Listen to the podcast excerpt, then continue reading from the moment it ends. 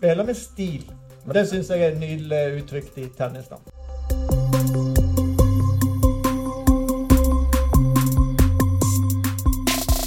Nevnte det så vidt, men du har jo eh, veldig rik bakgrunn med hovedfag i eh, idéhistorie med en oppgave om Arne Garborg. Er det riktig? Ja. Ja. Og du har jo da skrevet en veldig kritikerrost eh, trilogi om klimatrusselen. Og en biografi om eh, nasjonalikonet Nordahl Grieg. Så da, hvorfor bruker en så smart fyr som deg eh, kreftene på å skrive om folk som slår en ball over et nett? ja, men eh, eh, det, Ja, vi må lov å spøke med at det er en litt sær idrett for oss. Eh, og at den også kan synes litt sånn aristokratisk eller litt sånn overklasseaktig. Måten de kler seg på, sånn som Federer må gjøre når han spiller i Wimbledon. Han det ser på på omslag her. Men, eh, men, internasjonalt er jo tennis en svær idrett. Eh, og litteraturen bare litteraturen om tennis er skikkelig rik. Jeg så det Linn hadde stilt opp, eller var det du? Eller det. stilt opp eh, en del av de bøkene som fins. Bl.a. biografien, selvbiografien til André Agassi. Eller Agassi, tror jeg. Eh, som heter Open. Den anbefaler jeg sterkt. Skikkelig noe av det aller beste som er skrevet av sportsbiografier. Så, så bare kobler seg på tennislitteraturen er grunn god nok. Mm. Hva, eh, hva, er det du, eh, du som uh, idéhistoriker finner av uh, mat i denne sporten? Ja, eh, vi får heller komme til det blir jo personlig med, med gresset. Men, men eh, det har jeg lyst til å finne ut av en gang, når de begynte med det. Men før spillerne på center court går inn, så skal det gjennom ei siste dør. Eh, og over den døra så er det to linjer av et dikt av Kipling, Rudyard Kipling, som heter If. Eh, og um, eh, Nå klarer jeg sikkert ikke å gjenta det helt uh, ordrett her nå, da. Nervøs blir når jeg skal snakke på engelsk. Men uh, det er noe sånt som If you can meet with triumph and disaster and treat those two imposters just the same. Altså, hvis du kan møte både triumf og nederlag og behandle de to som de bedragerne de er Og Det er en utrolig mye bedre måte å uttrykke sportsidealet enn ta på vind med samme sinn. Ta på vind med samme sinn det er vår måte å omsette uh, den fair play-tanken som, som en jo finner uh, i britisk Eh, både fotball, i, i britisk friidrett, men kanskje aller mest sånn tydelig i, i uh, tennissporten. Så det, det er fair play-idealet som er interessert meg aller mest. Uh, og hvis jeg kan bruke ett ord minutt, unnskyld, ett minutt til hva betyr, det, hva betyr det at en skal møte uh, både triumf og nederlag som to bedragere? Jo, det må jo bety at vinner så har en ikke lov å hovere. En må kunne anerkjenne flaksen, den plassen den har, selv om du, om du heter Roger Federer. Og hvis du taper, hva betyr det å møte tape som en bedrager? Jo, ikke i for stor grad la det gå inn på deg. Det, det er jo én ting at det duger i Wimbledon, men jeg syns det duger så utrolig bra i barneidretten. Og i barneoppdragelsen. Selv når mine unger spiller Monopol, så prøver jeg å få dem til å slutte å juble hvis, eh, hvis eh, motstanderen, rivalen, havner på feil gate. Da skal en, en skal spille med stil. Det syns jeg er nydelig uttrykt i tennis. da. Men hvorfor skal en ta vekk liksom, toppen og bunnen av følelsesregisteret? Eh, det har han godt spurt. Det er en bra retur. Ja. Eh, jo, men eh, en skal jo, en skal jo ha plass til begeistringa. Hvis en får til en nydelig, nydelig retur eller en nydelig serve eh, Idealet om at en skal behandle disse to, altså triumf og nederlag, som, som bedragere, betyr ikke at en ikke skal uttrykke glede eller sorg. Men hvis den sorga, sinnet, begynner å bli at en kjefter på dommeren, eller en anerkjenner ikke eh, motstanderen når faktisk han eller hun var bedre. Eller omvendt, da. Hvis det er at du uh, fikk en nydelig retur på Eirik eller hvem, hvem, som helst, og så i tillegg begynner å, å hovere. Da, da, da, da, da. Sånn som så unger kan gjøre, eller sånn som vi nesten ja, Til og med amerikanske presidenter kan finne på å gjøre. Da snakker vi jo ikke om eh, eh, Jeg tror det det er bra du spør sånn, fordi en kan tenke seg at det der fairplay-idealet handler om en sånn stoisisme, at en skal ikke uttrykke følelsene. Men Kipling sitt dikt, som altså er skrevet like før det går inn på Senterkort, sier ikke det. Sier ikke at du ikke skal vise følelser, men det sier at du skal ikke la disse følelsene få overhånda. Mm. Men det lov, må være lov å la dem få overhånd i ti sekunder, kanskje? Ja. I nuet. Må få lov å hovere litt hvis jeg slår en bra retur på Ja, eh, nei, ikke hovere. Du skal få lov å glede deg. Det høres ut som jeg sier hva du skal føle. Eh, du skal jo få lov å glede deg og liksom knytte neven. Men, eh, men å gni deg inn, Ja. eh, sånn at den som tapte, føler seg eh, mindreverdig, da bryter vi Kiplings og tennisens og fairplayets eh, grunnleggende Det er en bra moral for livet. Men er det ikke derfor en har sport? For det kan være en sånn isolert boble hvor en kan ta ut disse liksom uspiselige sidene ved seg sjøl? Jeg er mye mer opptatt av å bryte ned de der eh, murene mellom sport og livet. Da. Jeg er enig i at det er en leik og et spel. men eh, gjennom det spillet Det var jo det britene trodde så sterkt på. da. Gjennom å ha dette spillet og denne sporten og disse idrettsleikene i kostskolene og i utdanningssystemet, så skulle de skape gode engelskmenn. Jeg nøler litt fordi det Du spør Ja, du mener imperialister. Men, men ikke bare imperialister, men også uh, karakterer som, som innså at uh, selv om du er på ditt aller beste, så er det et element av nåde eller flaks eller gave ved, ved det du vinner. da. Mm. Og omvendt, når du taper, så, så er ikke det livets undergang. Du får nye sjanser. Så det er liksom keep calm and carry on? eh, Ja, jeg, det er, jeg syns det er strålende ting de har eh, Ja, ja. formulert for oss i idretten. da. Eh, Denne boka du har skrevet, hvordan vil du sjangerbestemme den? Det er en god miks, vil jeg si. Ja, altså den boka eh, skrevet som ei reportasjereise, vil jeg si. da. Det begynner med Og vi skal se noen klipp, klipp fra Uh, en, eh, en klassisk En film er nesten ikke film, men en kamp jeg er ganske sikker på at mange her har sett. Opp med ei hånd alle som har sett Bjørn Borg spille uh, mot John McEnroe. Ja. Uh, og når jeg begynte å leite i gamle aviser er Bra å se. Så i 1980, da Bjørn Borg spilte sin, sin eh, femte finale på rad på gresset, han som var best på grus, til og med, eh, så var gatene i Bergen tomme klokka rundt om halv tre. Eh, det er en liten petit en som sitter på kafé og ikke skjønner helt hva som har skjedd. For da har alle forsvunnet. Da skulle alle hjem og se på NRK. Så jeg begynner boka der, og så, så bruker far min, som eh, eh, Ikke noe vondt om han, men han var bonde på sin hals over sitt hode. Eh, og, og altså Wimbledon inntraff, eller inntraff midt i den lange slåtten. For oss var det jo slått hele tida. Eh, det begynte med litt sånn kantslått rundt ripsbuskene. Og så var det Forhaustaslåtten, og så begynte hersinga.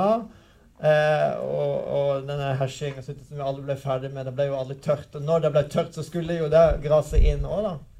Så ingenting var mer forlokkende enn å skru på fjernsynet og se på plenene der alt var ferdig raka. Og alt Ja, men eh, eh, eh, boka er jo eh, grunnleggende en hyllest til gresset. Det er den.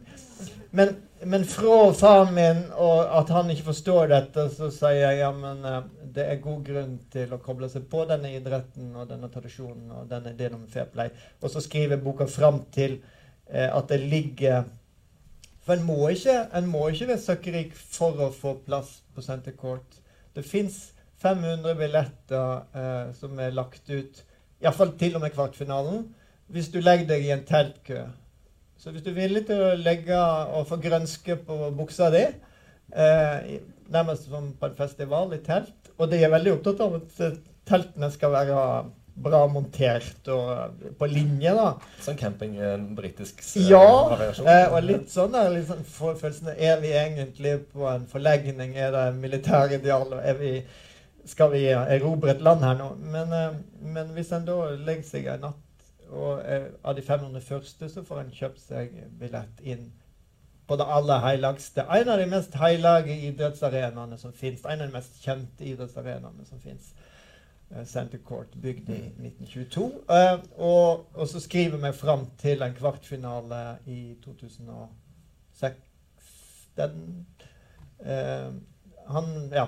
Med Federer, da, som er blitt min store tennishelt. Ja. Du har jo skrevet bøker knytta til din langrennskarriere tidligere. Um, hvor du også skriver litt om dette med folk som overnatter i Holmenkollen ja. uh, for å se på femmila, og hvordan det går for seg der. Hvordan kan du sammenligne de to uh, kulturene der? Wimbledon-køfolket og Holmenkollen? Ja, det er bra, bra. Teltliggerne. Nei, for det er jeg jo litt opptatt av å bygge bruer. Jeg er litt opptatt av å rive ned forestillingene om tennis. De som gjør at en ikke tar dette fullt på alvor i Norge. da. Herbjørn Sørebø har dette kjent at bønder spiller ikke tennis skrev i 1972 for øvrig. Eh, helt feil. Bønder vil gjerne spille tennis hvis det bare er baner rundt dem. Eh, men eh, det er en del ting som, som ligner her. Femsetskampene eh, i, i, sånne Grand Slams, altså det fire store Grand Slams-turneringer. En i Australia, en i Paris, en i London og Wimbledon, og så en i New York. Eh, som både menn og kvinner deltar i. Eh, men mennene de spiller da femsettskamper i disse tre, fire store hendingene.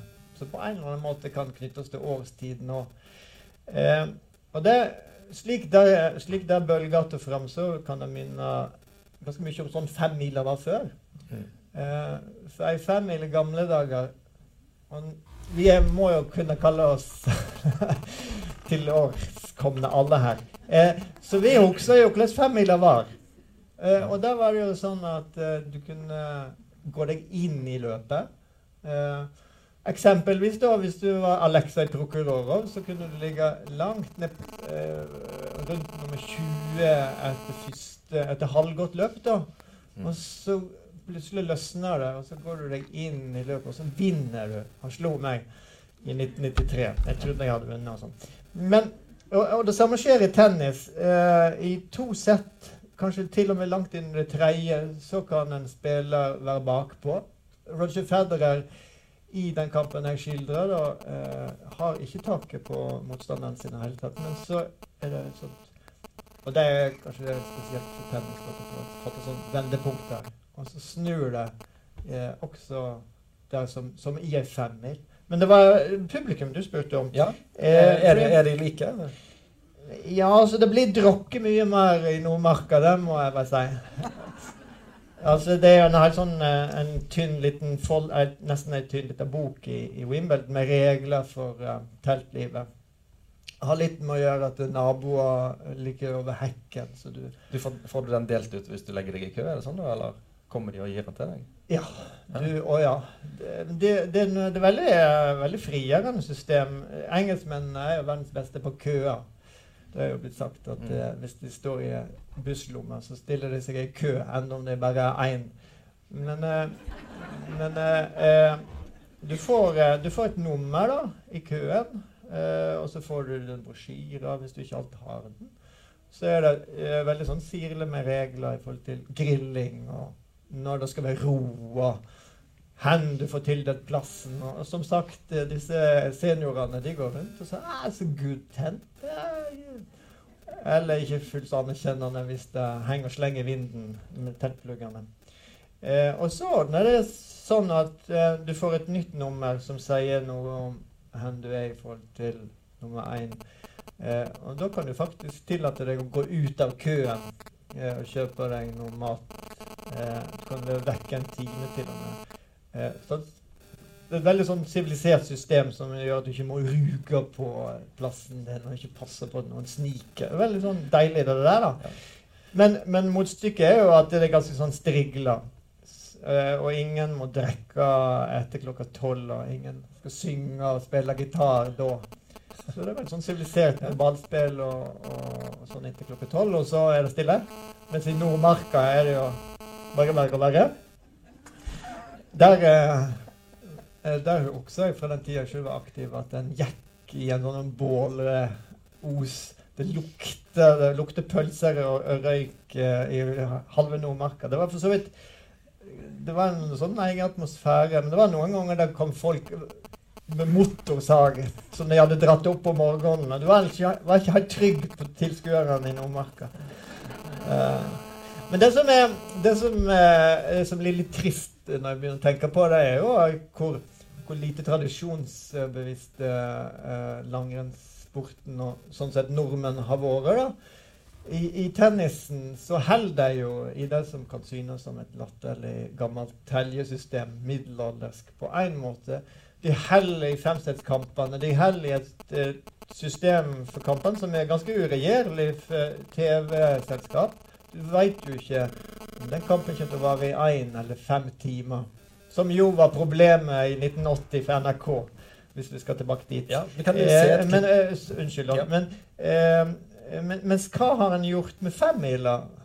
Jo, han har kutta de to rundene som lenge på en måte var ekspedisjon uh, til Glåmene og Kobberhytta. Den der eh, Nansen-aktige ferda der du la ut. Nå går det jo bare en sånn der, der fisete liten runde til Frognersetra. Eh, og de går i lag. Eh, du får ikke lenger den dynamikken at noen våkner til dåd.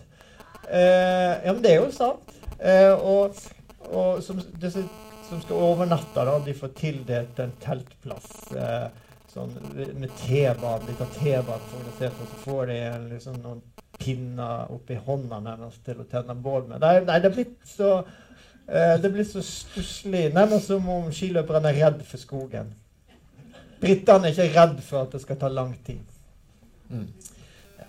Skal vi spille? Hva er det vi kan vise Jeg snakker med Ja, men uh, det er hyggelig å snakke om tennis.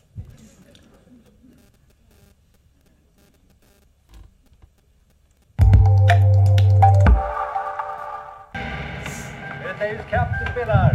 Eller er det Wimbledon? Björn? It's the perfect rivalry. The baseline player and the net rusher. Tennis är nog inte en idrott avsedd för alla skikt i samhället. Mr Borg, how does it feel knowing you could make history if you win your fifth Wimbledon? No special feelings. Känns fan inget bra Labbe. The only thing standing between Borg and that record is you. You and Borg are as different as two people could possibly be. Is he backstage or something? Is he gonna like jump out of the cage or something? Nakamo is the bigger talent. But playing Borg is like being hit by a sledgehammer.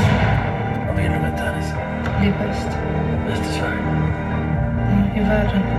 How do you respond to Nakamura's comment from before the tournament that Borg the machine will soon break down? I'm just like uh, anybody else. I'm not a machine. Det finns inga lätta matcher. Men folk verkar tro det. In i skiten, Björn. Du är en stjärna, Björn. Det är inte lätt för någon av oss, Björn. Why did you jerk up? Answer the question! The ball's on the line! Shut fuck alone! You don't understand what the fuck it takes to play tennis. Shut up! But people You know, I go out there and I give everything for this game. Everything. Everything in me gets left out on that fucking court. And none of you understand it because none of you do it. Rädsla och rädsla. Paniken som kärn. Jag ska in i varenda slag.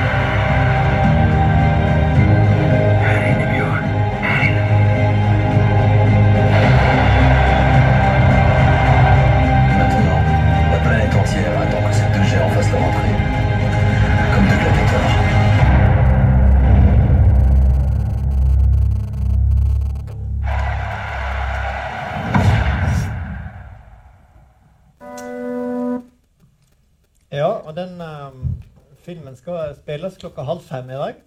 Nei, nei, klokka fem, eller arrangementet begynner halv fem. da. Tennisklubben inviterer til visning. Ja. Så det, det er åpent der. Altså, denne finalen i Wimbledon i 1980 mellom Bjørn Borg og John McEnroe er jo eh, tidens aller mest omtalte tenniskamp. Eh, vurderte du å ha et annet omdreiningspunkt i denne boka? her? For det, hvor mye mer er det å si om denne kampen? Det er jo skrevet milevis med artikler og bøker om, om de, disse oppgjørene. Ja, det er sant. Eh, og hvis boka skulle komme ut i Storbritannia, så måtte jeg tenke annerledes om det. Eh, jeg begynner jo med at Nelson Mandela hadde fått eh, overtalt fangevokterne til å høre på radio. og de eh, satt eh, og så med andekte blikk i New York. Og Stefan Edberg og Boris Becker så på eh, i en turnering i Vestberg i Sverige. Og det var gatetomt i Bergen. Eh, mens far min var eh, i Slåtten og likte ikke at vi hadde sniket oss inn. Dette var lørdags ettermiddag, så, så han ville nok at vi skulle rake og herse enda mer. Men, men det som gjør at en kan ha en vri på den i norsk sammenheng, for du har helt rett, det er skrevet uendelig mye om den. Eh, skal bare skyte inn hvorfor der, da. Eh, hvorfor er det blitt skrevet så mye om den? Det var ikke bare fordi det var så ufattelig spennende med et fjerde sett som syntes å vare i evigheter, med tiebreak som gikk eh, til 18. Eh, og likevel så kom eh, Borg fryktelig tilbake i det femte settet og, og, og, og klarte altså fem triumfer på rad. Så én ting var nå sportsprestasjonen hans, men det var litt sånn at gjennom disse to typene, den tålmodige, litt reserverte litt gentlemansaktige Borg mot den utålmodige, bortskjemte, kanskje litt kyniske John McEnroe, så, så fikk du spilt ut eh, to måter å være på. Eh, kanskje to generasjoner, da, om en ville. Og i en del bøker så blir det nevnt at kanskje var det sånn du fikk spilt ut to måter å forstå eh, Storbritannia på. Det var brytning brytning mellom gammel og ny tid, som, som faktisk den kampen representerte. Det er nok grunnen til at det skrevet så mye om den internasjonalt. Men i Norge så nevnte jeg jo eh, sendeskjemaet. At en ikke ikke kan planlegge skikkelig for, for en tenniskamp. Og så var den utsettelig til og med. Og når dette der fjerde settet drygde, mm, så så det Det så for så vidt lovende ut. For det var slik at eh, Bjørn Borg hadde eh, matchpoint. Altså han var, kunne faktisk vinne den i fjerde sett, og da var det sånn ti på seks. Fem på seks så var det Ettermiddagsnytt med Erling Borgen. Og klokka seks så var det Barne-TV. Det var ufra- Barne-TV hellig. ufravikelig Ja. den gangen. Eh, og eh, så klarer McEnroe å redde seg unna to eh, med et fantastisk spill, da. To fantastiske returer. Og så går da eh, dette settet mot tiebreak. Eh, og da hører, hører en hvis en skrur lyden høyt opp eh, Det fins ikke i arkivet til NRK, men jeg fikk uh, en entusiast fra Holme, Holmestrand, Sandefjord var han fra. Han hadde tatt den opp. Så jeg fikk, uh, fikk den tilsendt fra han. Og han, uh, når du skrur høyt opp, så hører du på stemmen at det fins øhol. Husker du det? Fins øhol? Han var knallflink til å kommentere. Vi må sette over. Vi skal tilbake til, til Oslo. Du kan komme tilbake med høydepunktene kvart på sju. Da skulle det være noe NM i friidrett på TV-en. Så da kunne han, mente de da, få lov å oppsummere eh, hvordan det gikk. Og så ble det da Erling Borgen, og så ble det Barne-TV. Og vi som da vokste opp best på vi Du kunne gå ut og hesje litt mer. ja. Eller gå ut og prøve på tunet med litt tennis. Jeg kan huske at vi brukte sånne så maursyre, den der eh, enstilleringsvæska, til silofòret. Så satte vi dem opp som sånne gjerdestolper, så hadde vi sånne lister av tre. da. Det, var- det var da eh, det var nettet vårt. Og så streka vi eh, i tråd med de engelske foots. For, eh, for, eh, så vi prøvde å spille litt eh, sjøl. I ulendte, bratte Vestlandet på Skjeldal. Mens østlendingene de kunne slå det på svensk TV. Så vi så et glimt av Bengt Grive på, på traileren her. Mm. Og det er fantastiske femtesettet. Så det er den norske vrien. Ja. Ja. Men det jeg lurer på, er jo om Kommer dagens toppspillere til å bli omgitt med den samme ekstreme mytologien og, og nostalgien om 30 år? Jeg ser ikke det helt det for meg. Men hva, synes, hva tror du? Jeg har jo prøvd virkelig å gi en bidrag til å dyrke Roger Federer, da. Som det ser eh, ligger i gresset. Eh, dette er kampen etter den jeg har skildra i boka, da, da han tapte i, i fjor. Eh, som i lag med, i lag med en, fra, en, en spanjol som heter Rafael Nadal, har løftet tennisen til enda større høgder i, spill og prestasjoner og eleganse og, og i, eh, ja, i, i nærmest kunst da, eh, en, enn Borg og McEnroe. Jeg nøler litt med å si det, fordi Borger Borg og McEnroe de brukte jo tre rekkerter. Så det er litt urettferdig å sammenligne deres kunststemme med de som spiller med mye større hoder og, og lettere rekkerter å bruke av i dag. Eh, å få spilt ut det samme dramaet mellom ny og gammel tid, det samme dramaet mellom eh, kyniske Margaret Thatcher, som kanskje McEnroe viste, og det mer reserverte gamle britiske Borg Kanskje ikke, men, men det som eh, er grunnen til at jeg mener eh, det må vi ha litt tid til Wimbledon neste år. Eh, eller til French Open før det, og lete det fram på TV-en. Hvis ikke du vil dra dit, da, da kan jeg også anbefale. det at ikke bare er det pent å se på med, med de rene linjene og det kortklipte gresset, og, og, og, og, hvor lettvint det er å få tak i mat og drikke og og se tett innpå.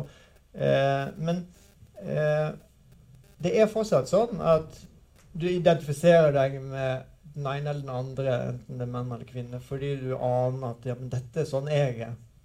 Den ene er mer offensiv, utålmodig. Kanskje den andre er mer en grunnlinjespiller og, og, og venter på at den andre gjør feil. Og så, hvis jeg hadde spilt tennis, så hadde det vært sånn.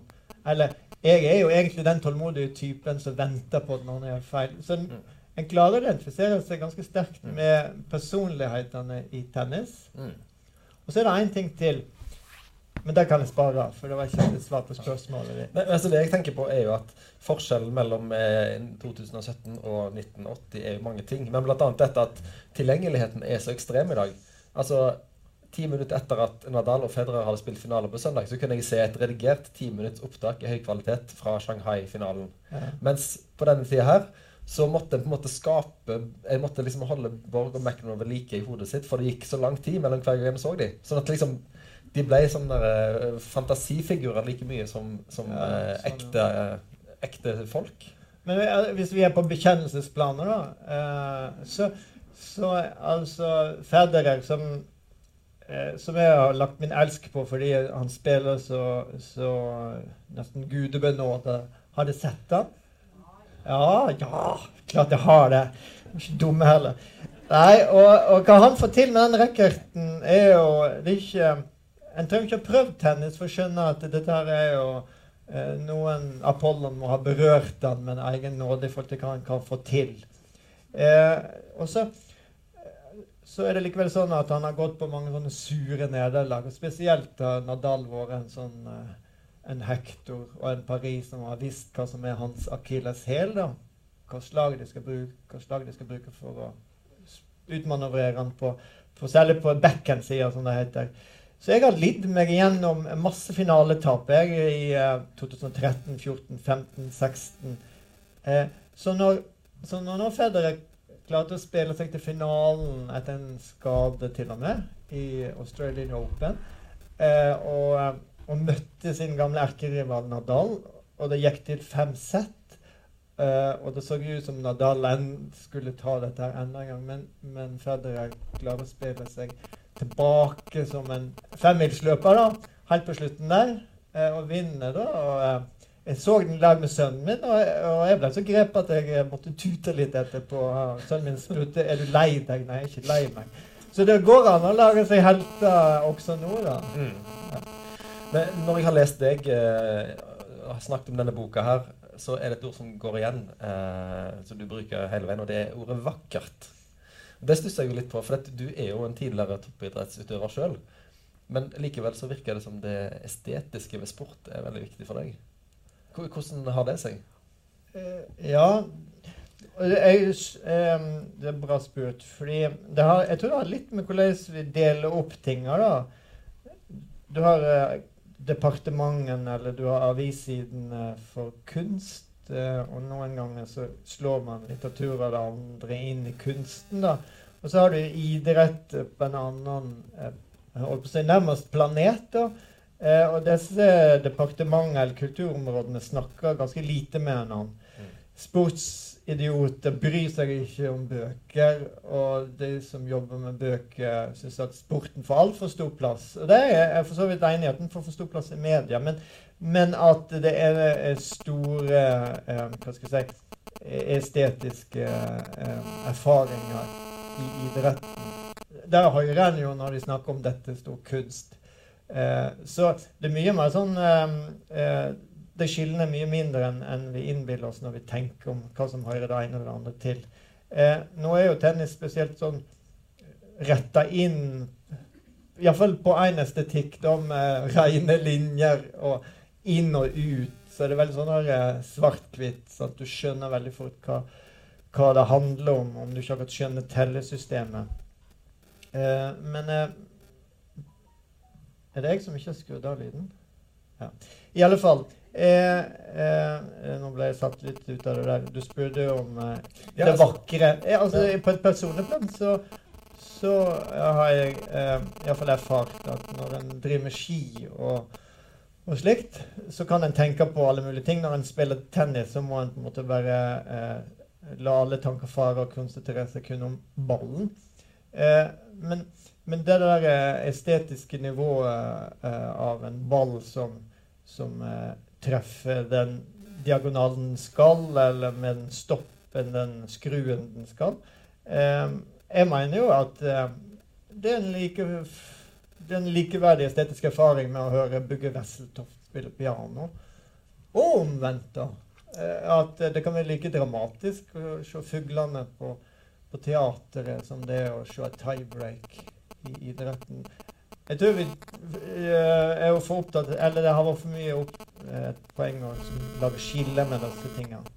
Så det vakre i, um, litteraturen og musikken, og det vakre i tennisen og, og idrett Men altså, vil, hvis du tenker på deg sjøl, vil du heller bli nummer to med flott stil, eller vil du ha en kjip seier? Ja, for nå spør du om hva er liksom poenget i idrett. Ja, litt. Poenget i toppidretten handler jo ikke om å dramatisere fine bevegelser. Nei, det Eh, er så, at, så, så Federer kan jo være så stilfull han bare vil, men poenget hans er jo å slå Nadal. Mm. Så, sånn sett er det noe annet enn eh, enn det er å, å la fingrene fare over pianoet. Det regner jeg med deg i. Det regner jeg med deg i. Um, så iblant har jeg liksom tenkt å, om bare han Federer kunne være mer sånn kynisk. Kanskje han kunne krangle mer, eller hvorfor kan ikke han bruke en større racket, eller hvorfor kan ikke han prøve flere triks for å vinne, da? Mm. Men, eh, men da er jo det er da fair play-idealet eh, henger som en evig påminning, da. Og det gjelder både spiller og den som heier på. Eh, ja, det er forskjeller. Men de estetiske erfaringene til den som ser på, trenger nødvendigvis ikke være eh, forskjellige. Og jeg må sjøl kjempe med meg eh, eh, når jeg sitter på center court. Og kunne anerkjenne Hvis nå motstanderen er bedre, så må jeg kunne klappe for det gode slaget. Det, eh, tennisen har iallfall bygd inn en del elementer. Hvis, hvis det ser godt etter, så er det sånn at de har det nærmest i blodet å kunne klappe på racketen hvis motstanderen spiller bedre enn deg. Hvis det kommer et knallgodt slag, så, så anerkjenner de eh, motstanderen. Eh, og det, det gjelder jo tilskuerne òg. Det er veldig sånn strenge koder for å være stille på tribunen eh, når slagene går. Og hvis tilskueren begynner å juble for en andre serve Si at eh, eh, du heier på Federer, da, og så er det Nadal som bommer på en andre serve, og du så klapper Da bryter du jo Kiplings evige lov om å ikke behandle triumfen som, som den bedrageren. Da lar du deg forføre. Ja, ja. Ja. Det må jeg være forsiktig med. Ja, det må du være forsiktig med. Men, så, det, så det er de eh, bare de estetiske idrettslige erfaringene eh, som kan summeres opp i f- og i Kipling, de, de gjelder på tribuner. Mm. Jeg er litt nysgjerrig på eh, hvordan vil du beskrive ditt forhold til toppidrett i dag? For du, du debuterte jo eh, med ei bok ganske raskt etter at du ga deg som toppidrettsutøver sjøl. med en bok som heter 'På villspor. Takk og farvel til toppidretten'. Dette er jo toppidrett. Ja, ja jeg burde jo slutte å se opp hvorfor, hvorfor reiser jeg til Wimbledon, hvorfor skriver jeg om, eh, om mine barndomshelter, Borge McEnroe og de nåtidige Nadal og Federer og Serena og Venus Williams. Hvorfor jeg gjør det? Ja, hva er forholdet ditt til toppidrett eh, i dag? Jeg syns det er veldig fascinerende å, å se på. Som du skjønner, jo også sånn estetisk, dramatisk. Eh, jeg er veldig glad i å gå på ski. Eh, men langrennssporten skjønner jeg jo jeg har, har streva litt med. Og både som tilskuer, men òg som utøver, fordi det, er blitt så, det blir så vanskelig å hevde seg uten gode ski. da. Så langrennssporten er jo blitt litt sånn à la Formel 1. At hvis du ikke har den beste motoren ikke inni deg, men under panseret, og de beste til å bytte hjul og bla, bla, bla, så, så vinner du ikke. Så det er nå langrennssporten. Eh, men det fascinerer meg, som, som, snakket, som vi har snakket om, eh, med det der fair play-idealet som en ser i mange idretter. Det har jeg skrevet om både i den boka om broren min, 'Den siste langrenneren'. Han Har vi tid til det? Ja. Ja. Eh, han, eh, det var en femmil i 1991, og så ble Kristen, min bror, skiløperen. Eh, storebroren min. Tatt igjen av Sture Sivertsen. Eh, og så gikk de i lag, og Kristen, min bror, hadde stor nytte av at Sture drog. Kristen kunne gå bak i dragsuget nærmest. Og de var på vei oppover i feltet i listene, på tredje og fjerde plass. Langt ut på andre runden så kommer de til en drikkestasjon. Og I og med at det kommer to, så kommer det så boost på det som skal gi drikke, at Sture får ikke begeret sitt, men Kristen får tak i sitt. Og de fleste ville kanskje tenkt åh, nå har jeg en fordel. Nå har jeg mer eh, å gå på. Nå kommer Sture til å få det, mens jeg skal knuse han på slutten. Men det kristen eh, gjør, er å kjempe seg opp Han holder drikka der, kjemper han seg opp med én stav, og så rekker han drikka si til Sture. Og Sture tar imot. Uh, og så skriver jeg en biografi om, om broren min med spørsmålet hvorfor gjør han det der. Er det, er det et kristent ideal? Er det den oppveksten han har hatt med, med mor som misjonær og en far som søndagsskolelærer, eller er det et idrettsideal? Sier Fairplay, sier Kipling at en skal gjøre dette også? Eh, så, så jeg har for så vidt vært opptatt eh, Jeg har ikke sluttet å skrive om toppidrett om jeg sjøl ikke hva skal jeg si, er profesjonell utøver lenger. Det kan jo høres ut på den tittelen som om jeg takker farvel. alt dets vesen, liksom? Nei, det, det var egentlig ikke det. Men, men eh, eh, jeg tror det er enormt mye glede Eller jeg tror det er enormt mye glede i toppidrett. Langrenn har uh, hva skal jeg si, utmanøvrert seg en del. Fotballen tar altfor mye plass. Uh, det er ikke noe stor krise om Viking rykker ned, altså. Det er, for det finnes så mange andre ting. Folk, folk har akseptert allerede. ja. Det finnes så mange andre idretter, og det er viktig både å hegne om mangfoldet og ha, hegne om fair play-idealet, og også hegne om kvinne, kvinneidretten. At ikke Viking som et herrelag skal ese utover alt, at det ikke er plass for kvinnelagene. Mm. Eksempelvis fotball. Nå har jeg snakka mest om Federer, da, men jeg har skrevet om Williams-søstrene i boka. i hvert fall. Ja. Du skrev en bok for noen år siden om eh, Nordahl Grieg. Eh, der skriver du på side 144 Diktermetoden til Nordahl Grieg var å erfare og sanse aller først. Og da tenkte jeg dette er jo diktermetoden til Gudmund Skjeldal. For det, det, er, det er litt Gudmund i alle bøkene dine. Eh, ja, sånn, ja. Eh, og ja, altså Denne boka er iallfall skrevet som en, som en reportasje. Men det må jo sies at jeg er på et ganske eh, amatørmessig nivå når det gjelder å spille tennis sjøl. Eh, så du hadde slått meg lett, eh, og det hadde flere i salen her gjort. Så, så eh, jeg har skrevet mer om tennis som, som den begeistra tilskueren er, enn som den kjenneren av forehand og backhand og Men jeg tenker backhand på slice. disse bøkene du har skrevet om, om snø, om klima og ja, om denne eh, nest best, om å bli nummer to, og gull, sølv og bronse. Liksom, Det er litt Gudmund i linjene i alle bøkene dine. Hvor- Hvordan finner du ut den der balansen med hvor mye du sjøl skal Ja. vise igjen i teksten? Ja, det, det, det kan godt hende det er for mye iblant. Uh, uh, det, noen bøker skal en skrive med en, en sånn sterk, uh, sånn sterk en sterk dimensjon av jeg. Andre bøker skal en ikke blande seg sjøl med i det hele tatt. I den Nordahl Grieg-biografien så skriver jeg om min fars erfaring med å miste bror sin i krigen som bakgrunn for å skrive den boka, men, men ellers ikke. Eh, hvis du spør meg litt mer sånn samlende om bøkene, da, så, eh, så er dette en lovprising av graset, Mm. først og sist. Så selv om jeg, eh, jeg havner på Centercourt, så slutter boka med at jeg møter Neil Stubley, som er banemester eh, og grasmester i, i Wimbledon. Jeg har alltid mistenkt han for å være Modun når Wimbledon-turneringa begynner, for da er jo alle disse 19 banene helt fantastisk nyraka. Klipt ned til disse åtte hellige millimeterne. Og så skal spillerne komme og slite. Nå skal banene bli ødelagt, som jeg skriver. Så, så jeg har skrevet eh, Jeg har kjempet en hel del med, med oppvekst i en kristen sammenheng. For meg ble en del av de tingene for strenge. Men det, er, det er religiøse elementet, hvis jeg kan si det sånn som jeg har forstått med meg, handler om årstidene. For meg er årstidene bortimot hellige, da. Så jeg syns, jeg, jeg, jeg syns det er synd å kjøpe belgiske jordbær i mars.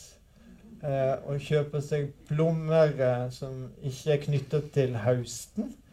Jeg kjøper nok nypoteter fra Jæren, eh, eh, selv om det ikke innvarsler høsten fordi det kommer såpass tidlig. Men, men å hegne om årstidene Det er derfor jeg har skrevet mye om klimaendringene, fordi det er å tære på, på ei av våre distinkte fire den hvite årstida, som jo det ser i fjellet om det ikke ser den i gatene her.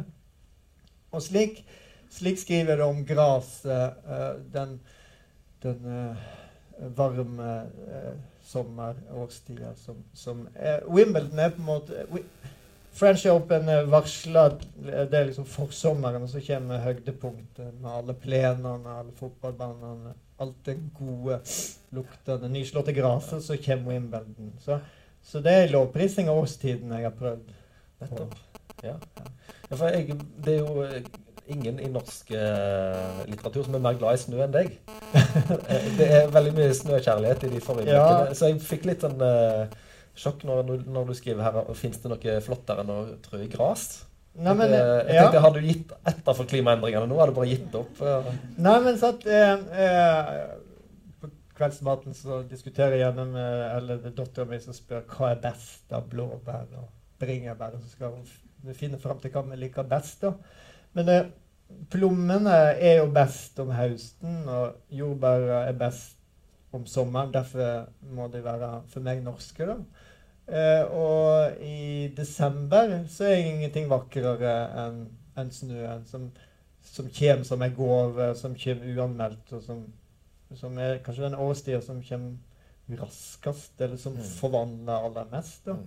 Men jeg har jo ikke lyst på snø i, i april. Det vil si eh, mars, eller det vil ikke ha snø kanskje i det hele tatt. Men, men, eh, men at snøen eh, hører ei årstid til og skal dyrkes da, og at gresset hører eh, våren og sommeren til og må dyrkes enten med hesjer eller med tennis. Det er det evangeliet jeg tror på. Det er bra. Uh, da tror jeg vi er ferdig her nærmere. Eh, hvis noen vil kjøpe boka av Gudmund, så har han med seg noen eksemplarer.